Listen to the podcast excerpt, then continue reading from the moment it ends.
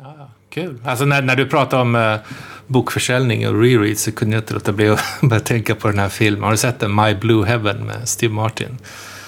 Ja, den har jag sett någon gång för bra länge sedan. Han, han stjäl ju ett lastfly, lastbilsflak med, eller en lastbil full med böcker.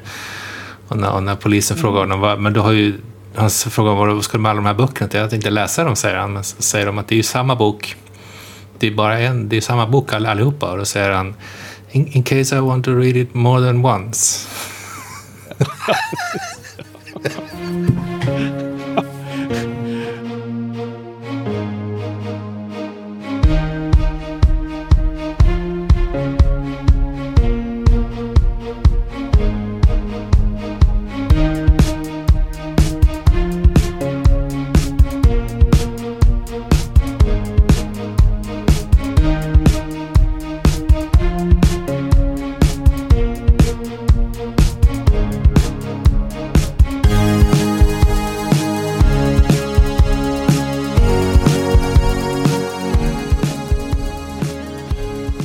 Välkomna till Rapporter från Apokalypsen. Med mig Henke och eh, vid min sida har vi Frans. Hallå Frans, hur står det till där borta?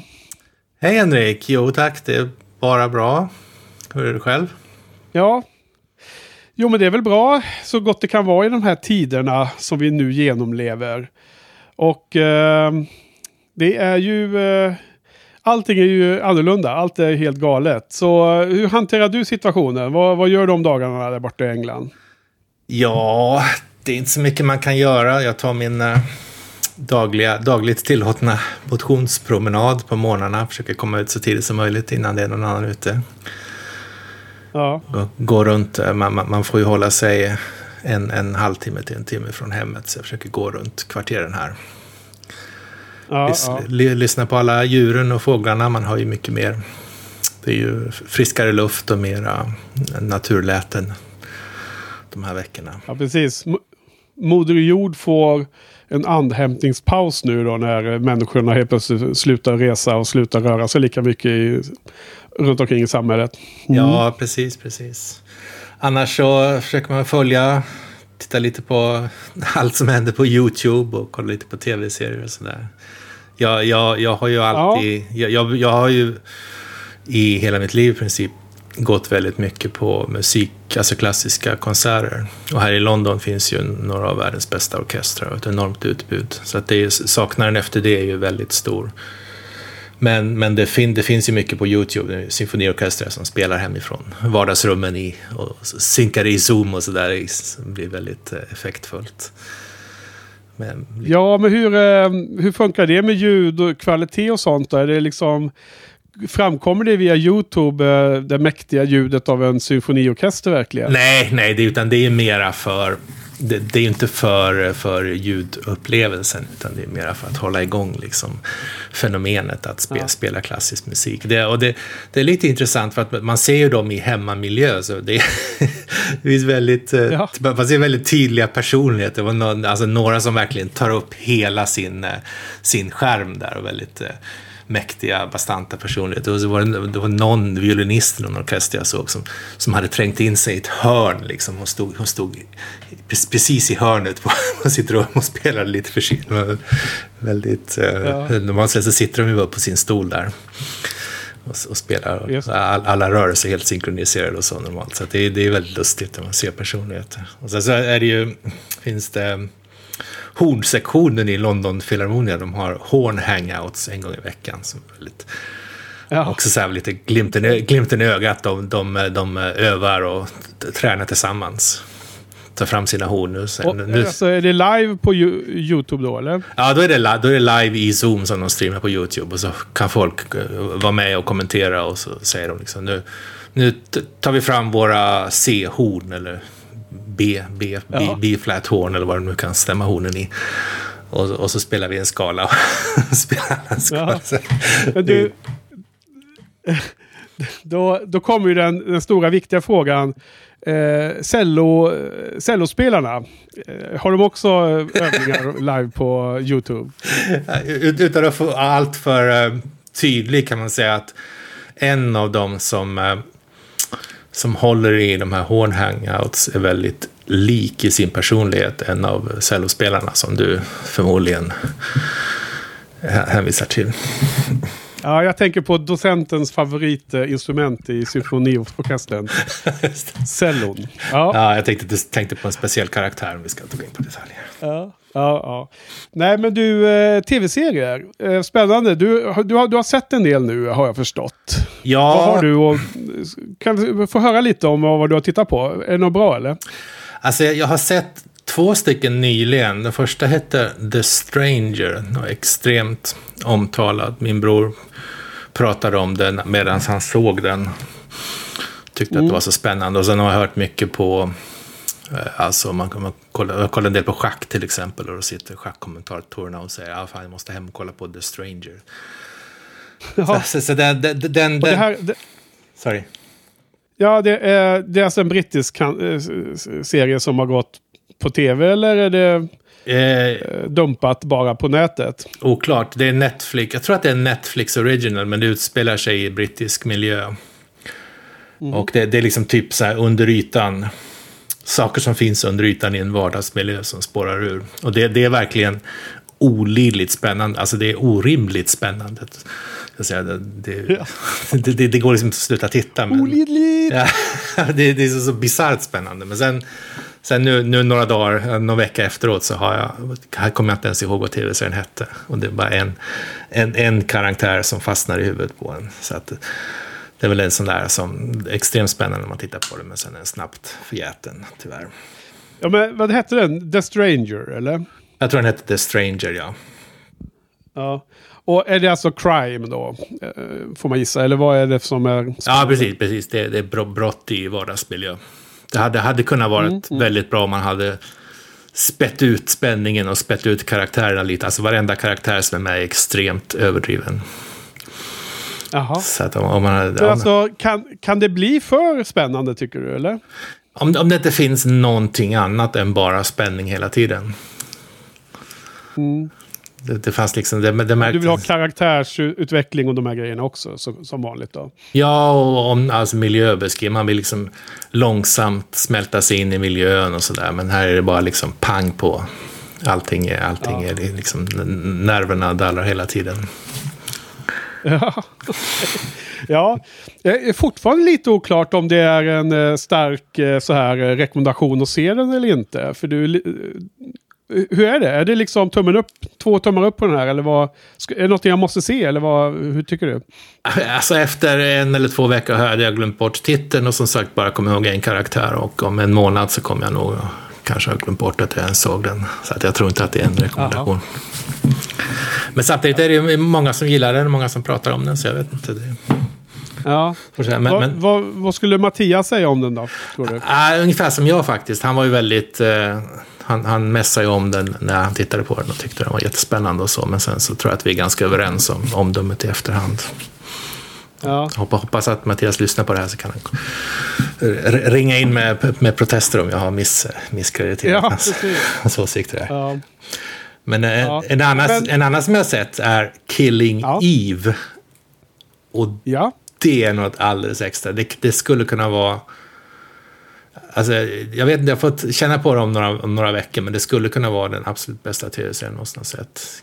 Eventuellt, ja. eventuellt eh, efter Mozart in the Jungle. Men alltså så otroligt välgjord och bra och eh, hysteriskt rolig och samtidigt helt absurd. Det är verkligen, ja. det är verkligen en rekommendation. Den bara växer hela tiden också. Man, man tror liksom att ah, nu, nu har de fått slut på krutet, nu kan det inte bli så mycket mer. Och så kommer en helt annan dimension med helt plötsligt. Men du, alltså, är du i den här eh, smekmånadsfasen fortfarande? Hur mycket har du sett av serien egentligen? Jag har sett två säsonger och den tredje säsongen pågår just nu. Den, alltså det är tyvärr, har jag hamnat, tyvärr har jag hamnat i det läget att det kommer vecka för vecka, så man kan liksom inte, man kan inte bingea den som man säger nu för tiden.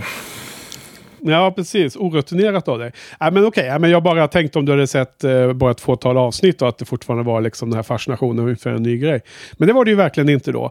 Äh, Killing Eve har jag hört namnet om. Jag, eh, Carl har sett den, jag vet inte han pratade om den. Eh, eh, han kanske inte nämnde om den som världens bästa tv-serie. Så det var ett snäpp upp där, men han, eh, det var helt klart att han var positiv, uppfattade jag det som i alla fall. Han, han eh, pratade om den eh, självmant, så att säga, eh, som, som ett tips. Men eh, Ehm, det var ju spännande. Ehm, du sa både rolig och fantastisk ungefär, men alltså är det en, i första hand komedi då? Eller, eller är det, vad är det, vad är det för någon genre skulle du säga? Eh, det handlar ju om, hur ska man säga utan att, eh, utan att ehm, spoila. Det handlar om extrema människor. Det, det, är väldigt mycket humor i början. Första halva säsongen är, är väldigt humoristisk. Och sen så blir det lite mer allvarligt. Och sen så tror man liksom, tycker man mm. liksom att ja, det här var ju bra. Och så börjar man titta på andra säsongen och så tänker man, ja, det kanske inte gick att göra en säsong till av det. Men sen när man kommer en bit in i andra säsongen så visar det sig att det fanns en, en mycket större plan för hela, hela utvecklingen som man inte såg förrän, mm. förrän man kommit dit och då blir man ännu mer imponerad. Ja, fascinerande. Det är ju så precis som eh, Firefly där den andra säsongen var ju ett rejält snäpp upp, otroligt nog. Till och med ännu bättre än första säsongen. Vet du. Andra säsongen, ja den, det är väldigt få som har sett den, men den, den var ju ja. väldigt svår att få tag på. Men om, om era lyssnare, om om ni kan lyckas hitta den så är det väl, verkligen värt ja. att se på den. Var jävla Fox fel. Fick all, det, var, det var ingen som fick se den. Ännu bättre andra säsongen. Mm. Var det Fox alltså? Ja. ja typiskt.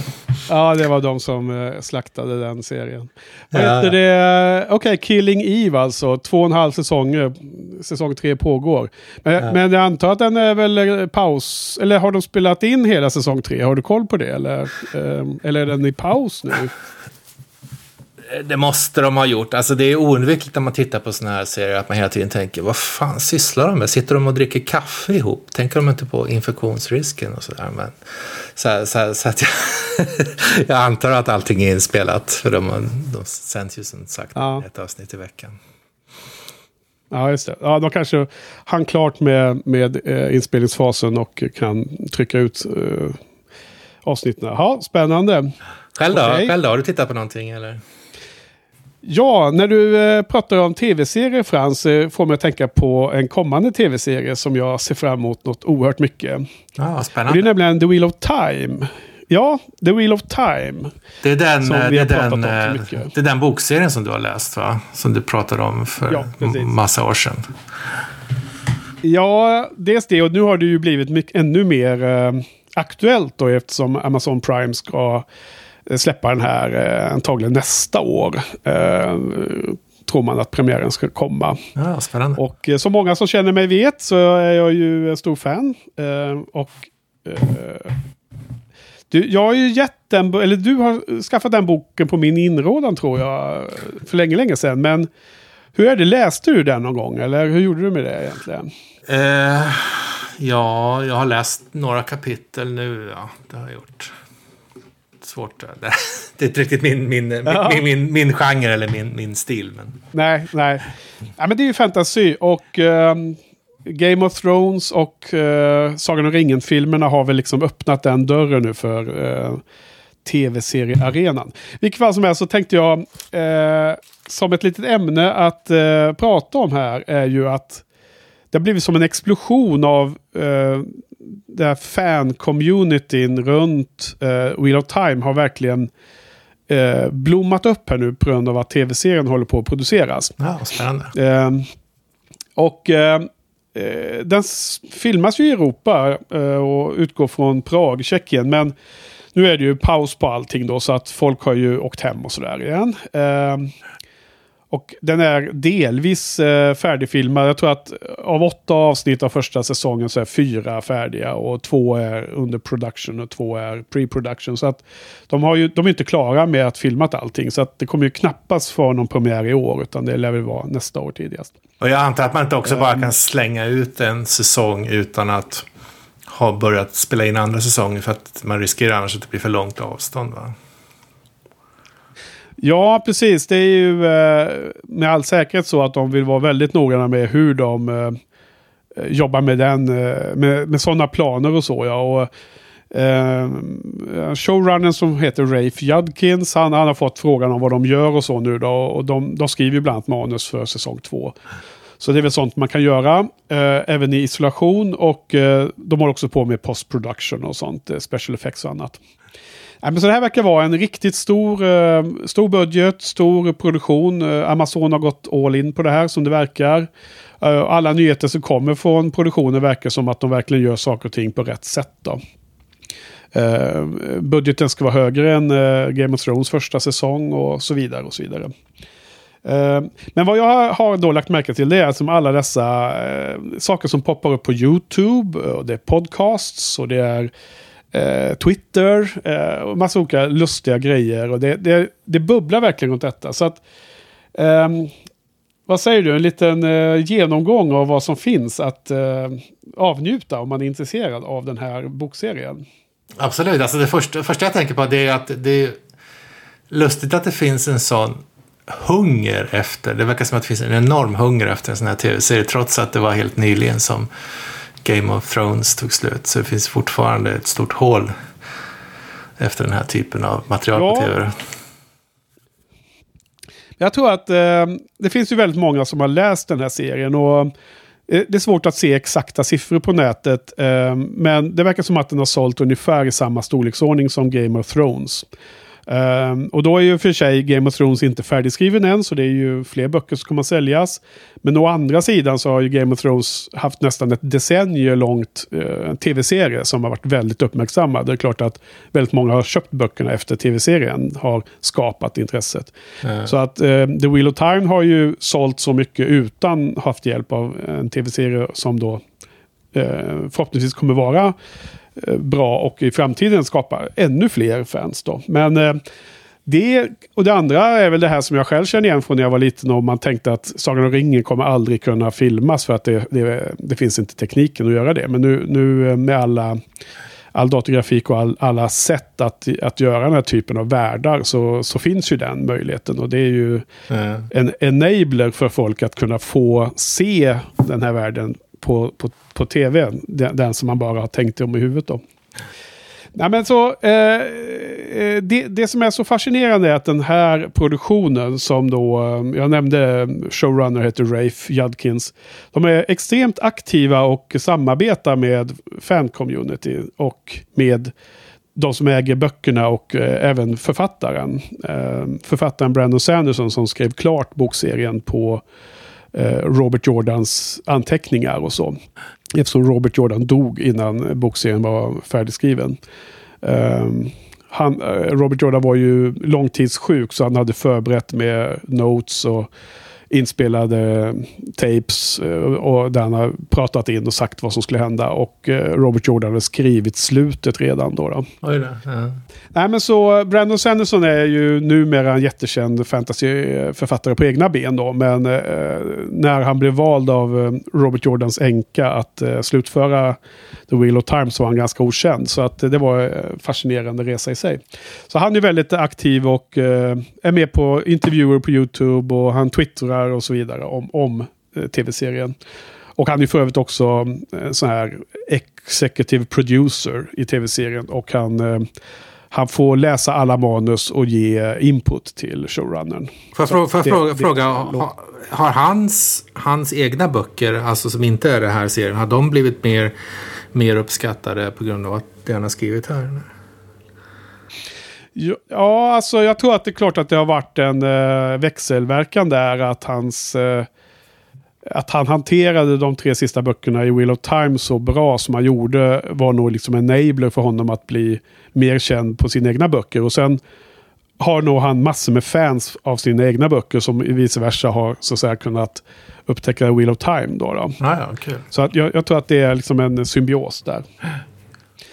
Eh, nej men så jag har väl eh, framförallt lagt märke till eh, massor med olika YouTubers som eh, har Wheel of Time eh, i eh, fokus. Och jag kommer lista dem på show notes. Men det finns bland annat en som heter Nablis. en amerikanare som har live-sändningar på YouTube. Och han har nyhetsavsnitt och han har in-depth analyser och om Wheel of Time bara då. Och han, eh, jag är Patreon till hans kanal för jag tycker han är så himla bra och kul att se det mesta av det han lägger ut. Och han håller också på och bygger en eh, stor sån här eh, portal eller webbsida som ska innehålla eh, en Wikipedia, eh, kartor, eh, beskrivningar av saker och ting och länkar till alla kreatörer, youtubare, eh, eh, podcasters och så vidare. Eh, och den, eh, den sajten heter thegreatblight.com. Uh, och för att bygga den från grunden så behövde han in, ha in en del pengar och hade en sån GoFundMe. Så jag har faktiskt uh, lagt in 100 dollar där då. då wow, med och uh, finansiera detta. ja, det Men, när, när det är live, är det, är det interaktivt på samma sätt som Horn Hangouts som vi pratade om tidigare?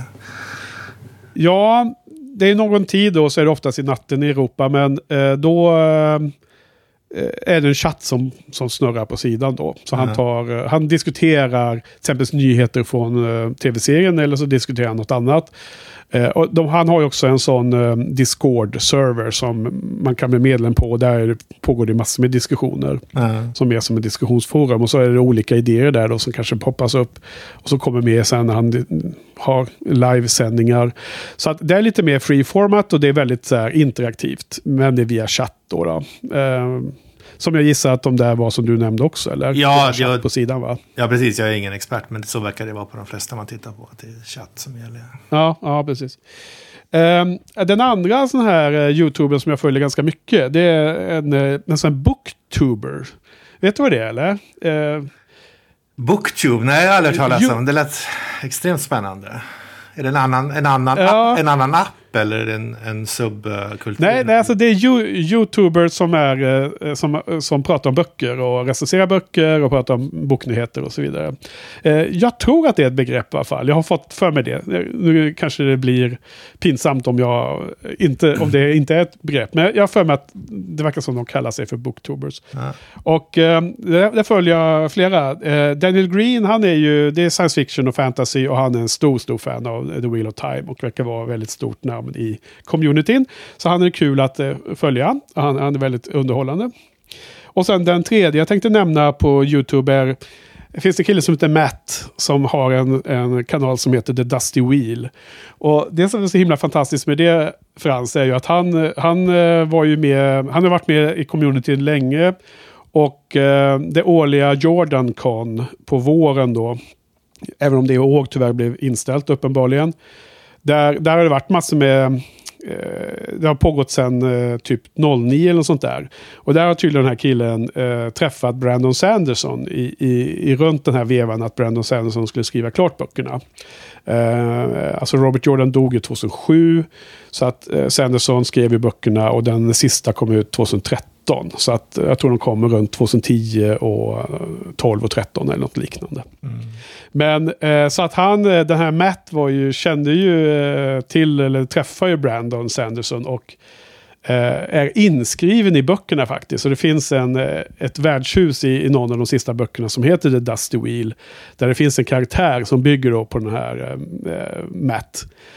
Och hans fru då. De, de, de, de verkliga personerna är förlagor för för de här, eh, den här värdshudsägaren och, och eh, med fru i böckerna. Ja, vad kul. Så att han har ju en... Ju, ja, jag, tänkte just, jag tänkte just fråga varför, varför det var dammigt, men det var namnet på en pub där. Det var ju en jättehäftig historia. Ja, eh, den här världen. Det här, alltså, The Wheel of Time är ju sån här klassisk fantasy. Mer likt Sagan om ringen även om det finns massor med olikheter, så är den ändå mer som klassiskt. Man rider omkring och det är värdshus och sådana saker. Eh, Medan Game of Thrones är lite mer eh, modernare, lite mer mörk. Eh, lite mer, du vet, ja, mörk fantasy av något, på något sätt. Men i alla fall det här Matt då, som har YouTube-kanalen, han heter ju Dusty Wheel och det kommer från boken. Och det är en väldigt fascinerande liten bakgrundshistoria. Um, men det finns ju fler då uh, YouTube-kanaler som jag inte uh, kollar lika mycket på, men det finns en uppsjö som jag ska lista. Uh, men vad sa du, Booktubers, det var någonting som intresserade dig eller? Det lät du, väldigt spännande. Jag, jag googlade i bakgrunden här och det finns ju... Ja. hittade en kanalguide. Så det får jag gå igenom sen. Se om det finns något där man kan lyssna på. Eller titta på. Ja, ja men då, då var jag inte helt ute och, och cykla i alla fall när det gäller själva begreppet. Mm. Oh, nej. Eh, nej, men det finns två stycken som jag bara ska nämna snabbt. De är alltså två personer, en som heter Mike och en som heter Murphy. Eh, som läser bokserien The Wheel of Time för första gången nu då. Och jag tycker det är superlustigt att se deras eh, reaktioner. Eh, samtidigt som jag då gör min egen reread och jag är ju i slutet på sjätte boken. Eh, så efter varje bok jag läst klart så kollar jag då Mike och sen då Murphy. Eh, och de har båda lite olika eh, upplevelser och vad de tycker är bra och vad de tycker är dåligt och så. Och det är så himla fascinerande för att i, under bokserien så är det huvudpersonerna och många viktiga karaktärer. Man, man ändrar sin åsikt av, om dem. Eh, från, bok, från en bok till en annan så kan man ha dem som favoriter till att sen helt plötsligt störa sig som attan på dem. Eh, mm. eh, och det är en ganska fascinerande utveckling att det kan vara så stor skillnad eh, beroende på hur handlingen, var handlingen tar dem så att säga. Och eh, eh att, att följa eh, de här booktuber som läser böckerna för första gången och få känna igen sig i eh, den här, eh, den här, eh, eh, den här vilda, vilda resan liksom med ups and downs gällande de olika favoritkaraktärerna. Det är väldigt kul tycker jag.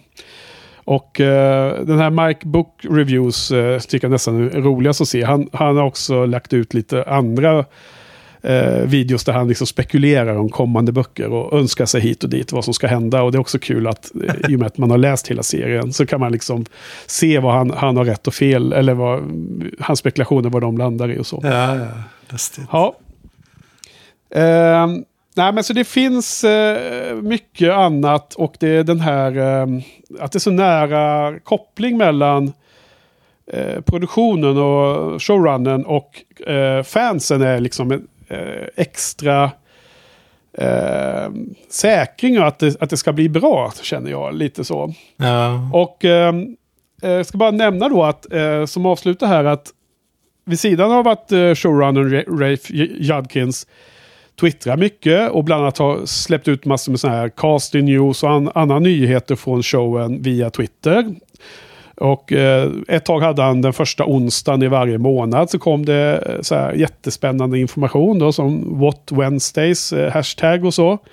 Så har han också faktiskt anställt en tjej som heter Sarah, Sarah Nakamura som är Eh, som jag förstår det nu då, en av de äldst, alltså eh, längst, eh, en av de största fansen och som har varit med i communityn längst. Och som har varit med, med på alla de här Jordan-con och så. Och hon har ju då alltså läst bokserien över 30 gånger enligt egen utsago. Vilket låter helt bisarrt. Det är ju 15 böcker på, med ganska många sidor per och bok. 2013 sa du, så måste alltså ha läst... På sex år har hon läst den 30 gånger. Oj, ja. Alltså, eh, den börjar ju 90 va? Och jag tror att hon har sagt... Eh, för hon har nyligen varit med i intervjuer både hos Daniel Green och hos The Dusty Wheel. Eh, väldigt bra intervjuer och där får man hela storyn om hur hon fick jobbet på, eh, på eh, showen. Och de pratar även om hur mycket hon har läst och så. Eh, får hon ge sina stories där.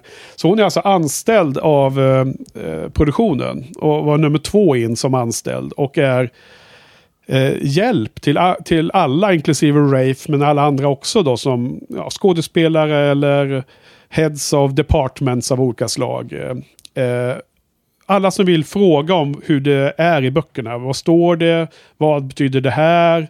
Vad kommer hända med den här saken och så i framtiden? Då, då är hon Keeper of the Chronicles. Hon, hon kan liksom gå tillbaka och, och spalta upp liksom var, var i boken det här återkommer, vad det står exakt och så.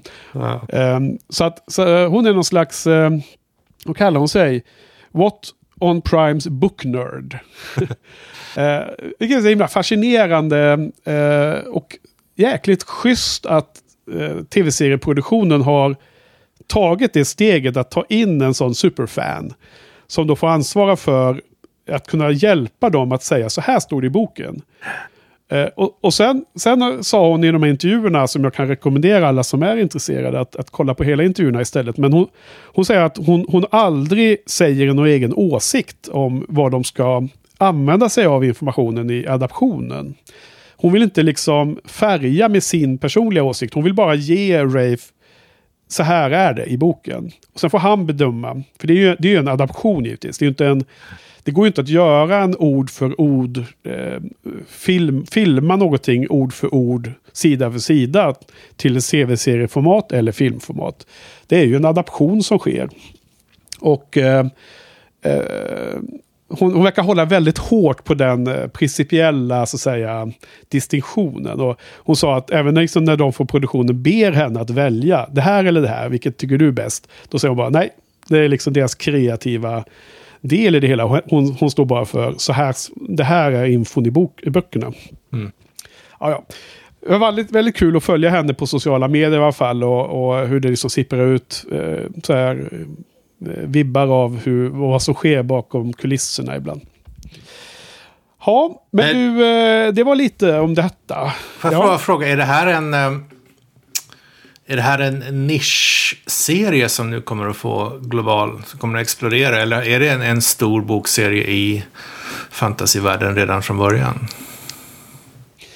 Ja, men jag tror att det här är en väldigt stor bokserie. Och, eh, eller det är det, rättare sagt. Som jag nämnde så den har vi redan sålt ungefär i samma storleksordning som Game of Thrones. Som du, som du vet är en stor serie. Eh, den har inte sålt lika mycket som Sagan om ringen då. Men, men den har å andra sidan sålt böcker sedan 50-talet. Ja. Och är mycket kortare. Eh, jag tror även Harry Potter har sålt mycket mer och så. Så att det, det, det är inte den, den största serien inom fantasy-genren i världen. Men det är en av de topp 10. Säkert topp 5 kanske. Ja. Vad vet jag. Ja. Eh, och, och den är också, så att säga, den har inte haft hjälp av några filmer eller tv-serier alls. Som alla de här andra som jag nämnde nu då har haft. Ja. Så att eh, förhoppningen är väl att det ska bli så bra som man kan hoppas. Och även som det verkar. Jag menar, de flesta fans verkar vara väldigt positiva till den info som har kommit ut. Då. Och eh, inte minst att de är så fri... fri eh, att de ger så mycket info ut är ju liksom eh, positivt. Så här, eft- eftersom man kan stämma av det som man får veta om produktionen. Liksom. Det verkar vara seriösa val av folk som ansvarar för allt möjligt. Setdesign och de har någon... Eh, eh, massor med regissörer som har blivit... Eh, man har fått veta vem som regisserar olika avsnitt och så. Som har massor med erfarenheter och är, liksom, anses bra och så vidare. Ja. Så att, eh, ja. Ja, vad Men det är i alla spännande. fall... Hoppas att det Jag vet kommer- inte om vi har så många Wheel of Time-lyssnare på Shiny-podden, men vi får hoppas det. Och som sagt, med, med så många miljoner sålda böcker så gissar man att det finns en och annan läsare här och där som man kanske inte känner till. Så förhoppningsvis. Annars får folk ta det som en, en generell, eh, så att säga, eh, en liten eh, ja, genomgång bara som kuriosa. Ja. Ja, det var kanske allt vi hade för idag, eller? Har vi... Ja, det var... ja, precis. Vi hörs väl snart igen får vi hoppas. Vi hörs när andan fyller på igen, så eh, tack Frans. Tack Henrik. Tack publiken. Hoppas ni mår bra. Ja, tack till alla som har lyssnat så hörs vi snart igen. Hej hej! Hej.